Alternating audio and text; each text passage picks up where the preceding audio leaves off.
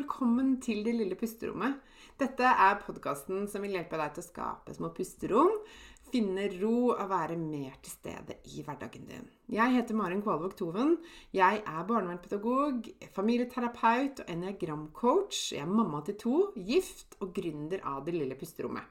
Og jeg har selv kjent på langvarig stress og har vært utbrent. Jeg brenner for å hjelpe deg ut av stress og utbrenthet og vise deg hvordan du kan finne ro selv om det er travelt rundt deg. Til daglig så hjelper jeg kvinner ut av utbrenthet og stress gjennom online coaching med min egen utarbeidede pusterommetode og ulike online-kurs. Du vil høre meg reklamere for mine tjenester i denne podkasten.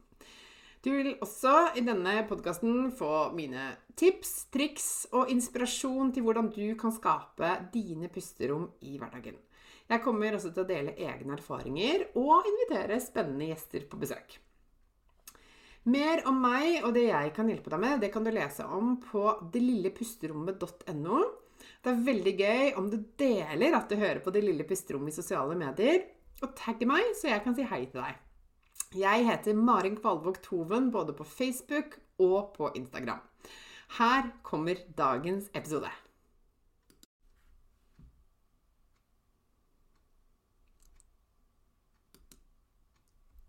Hei! Dette er Marin Kvalvåg Toven. Velkommen tilbake til podkasten Det lille pusterommet. Det har vært en utrolig spennende start på året for min del. Når jeg spiller inn denne episoden, så er vi liksom i starten av februar.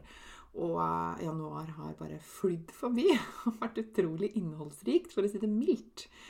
Og eh, jeg hadde bare lyst til å dele en tanke. En sånn rar eh, Eller sånn, ikke rar, da, men egentlig ganske sånn fascinerende ting som gikk opp for meg. Forrige helg så var jeg på hytta i tre dager for å skrive ferdig førsteutkastet til boka mi. Det ble ferdig og er nå sendt til redaktør, og det nærmer seg noen veldig spennende faser før denne boka skal slippes eh, litt senere i år. Jeg gleder meg altså sånn til å dele den med deg. Det er skrekkblandet fryd de luxe. Eh, men jeg håper og tror at det blir veldig bra. Eh, og det som slo meg, som var litt sånn Ja, det, det var litt sånn aha-øyeblikk, egentlig, den helga. Det var at for fem år siden, da jeg var utbrent, så søkte jeg jo informasjon så mange steder om eh, hva, liksom, hvordan ble jeg bra, hvem kan hjelpe meg og sånn. Og da hørte jeg en dame som jobbet bl.a. med utbrente kvinner. Hun fortalte at hun da eh, reiste på hytta for å skrive på sin bok. Og at hun liksom takket mannen sin for at han ordnet ting hjemme. Og sånn. Og så tenkte jeg oi, det hørtes jo helt ellevilt ut. Går det an å gjøre det, liksom? Hvordan i all verden? Å skrive bok altså, Det var så mye med det som fascinerte meg. Bare det at Oi, hadde hun løsningen? Oi, hvordan, hvordan kan hun skrive en bok om dette? Og hvordan kan hun reise bort og gjøre det helt alene? Jeg syns det hørtes liksom nydelig, spennende og litt skremmende ut på en gang. Og jeg var kjempefascinert og inspirert. Og så slo det meg i helga at eh, nå, nesten fem år senere, så reiser jeg på hytta og skriver eh, på boka mi til utbrente kvinner. Var ikke det litt sprøtt? Det var veldig, det var veldig rart for meg. Eller det var veldig flott, egentlig. For jeg ble sånn, og det sier så mye om hva som kan skje på eh, relativt kort tid, da. Ikke sant? Det tok meg jo ikke fem år for å komme dit eller for å bli frisk. Men, men det å faktisk eh, Det er litt sånn mind-blowing av hva som er mulig. Hva slags endring man kan få til. Eh, og hvordan livet kan snu. Og hvordan man faktisk kan eh, oppdage nye drømmer, og ikke minst eh, oppnå dem. Jeg syns det var ganske kult. i hvert fall. Så jeg hadde bare lyst til å dele det sånn innledningsvis i dag. Dagens tema er noe helt annet. Fordi jeg møter jo ukentlig mange kvinner som er utbrente, ikke sant? Og en del av de Eh, blir jo sykemeldt. Sykemelding er jo ofte en sånn vanlig eh, del i prosessen som mange kommer til før eller siden. Så hadde jeg lyst til å liksom dele litt med deg ulike dilemmaer og utfordringer knytta til det å være sykemeldt helt og delvis. Eh, fordi at for noen så er det sånn at de går rett ut i en 100% sykemelding når det er betydd for noe, men ikke for alle. Noen vil helst ikke være sykemeldt i det hele tatt, eh, og noen eh, vil være det delvis. Eller, og legene også anbefaler jo ulikt. Dette er jo egentlig en, lege, en leges vurdering, ikke sant? Men, eh, men, veldig mange av de jeg møter, de har en del meninger om seg selv og sitt eget liv, og det er bra. Eh, og, og, av ulike grunner kanskje også har lyst til å bare være delvis sykemeldt. Og min påstand i dag, og dette kan du være enig eller uenig i, men den bygger jeg på egen erfaring og erfaring fra eh, en ganske mange kunder jeg har hatt de siste årene, det er at det nesten er vanskeligere å være delvis sykemeldt enn 100% sykemeldt. Fordi, Og det er mange grunner til det. Jeg skal snakke litt om dette i dag. Men, men for det første så pleier jeg alltid å spørre kundene mine hva var det som gjorde at Eller hvordan ble denne avgjørelsen tatt? Eh, og det som dukker opp da, det er at avgjørelsen og vurderingen om hvorvidt og hvor i stor grad eh, du skal være sykemeldt, den blir ofte tatt på litt forskjellig grunnlag, da, for å si det sånn. Noen ganger er det liksom ikke noe tvil, så legen bare sier du skal 100% sykemeldt, ikke noe å snakke om. Mens veldig ofte så er det en del gråsoner her, og det er en del hensyn og en del følelser og en del ting som spiller inn. Og det ene er jo um, pasienten, eller altså kvinnens synspunkt. Hvor eh, jeg ser at ganske ofte så kan det bli en litt sånn forhandlingsposisjon.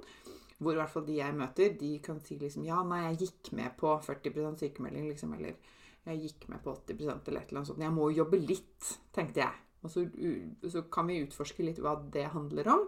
Og noen ganger da, så kan jo vedkommende komme fram til at å ja, det er egentlig bare fordi jeg, jeg, jeg takler ikke 100 nå fordi jeg får så dårlig samvittighet, det kommer til å gå utover så mange, eh, hva det kommer de andre til å tro, eller sånne ting.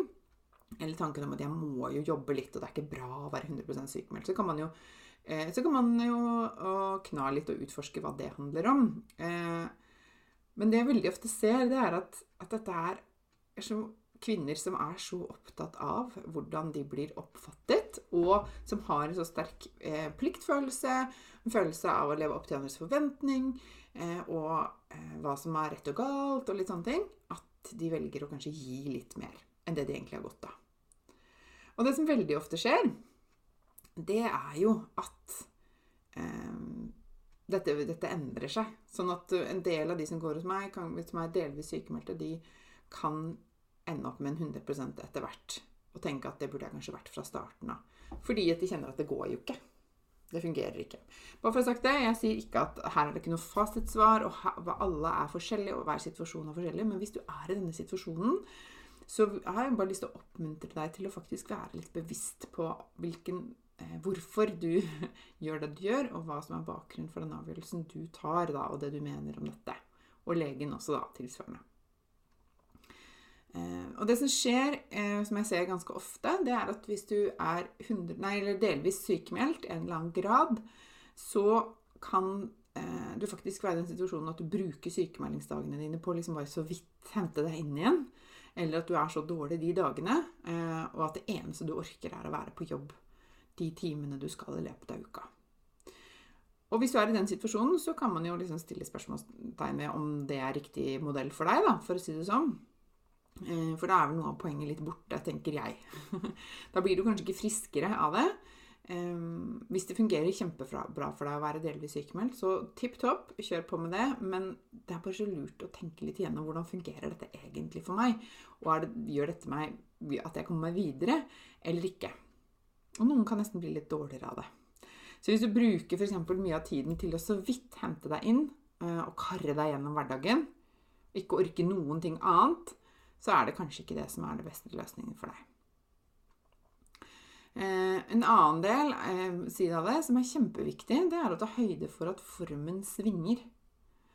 Så la oss si da at du har vært 100% sykemeldt en periode, og så eh, skal du begynne å jobbe litt igjen fordi det går bedre. Så er det så viktig å huske på at selv om det går bedre, så betyr ikke det at alle dager kommer til å være tipp topp. Så det å faktisk minne deg selv om at formen kommer fortsatt til å svinge, og det er greit. Og ta høyde for det. Og legge lista deretter og ikke bli for overivrig. For dette skjer veldig ofte. Det er at eh, nå går det litt bedre. Da gaper jeg over veldig mye på en gang, og da er jeg liksom back on track, og så smeller det igjen.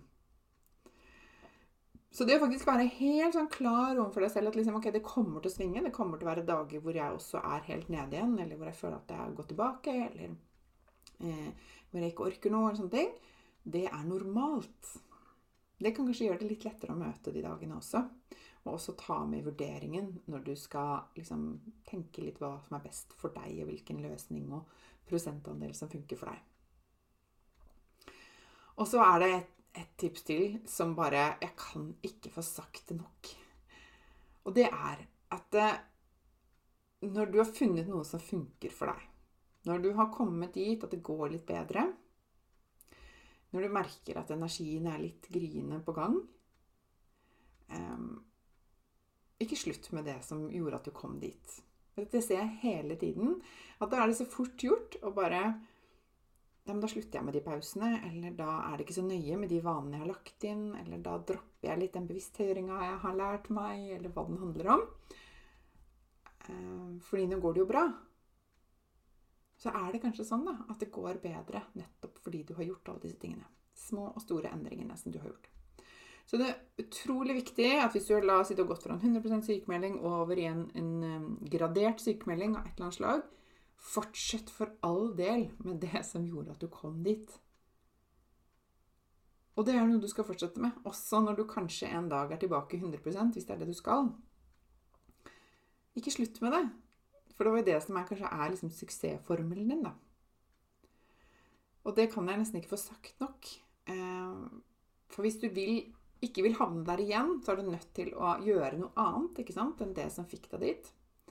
Så fortsett med det som funker for deg, det som hjelper deg. Gjør mer av det, og ikke mindre.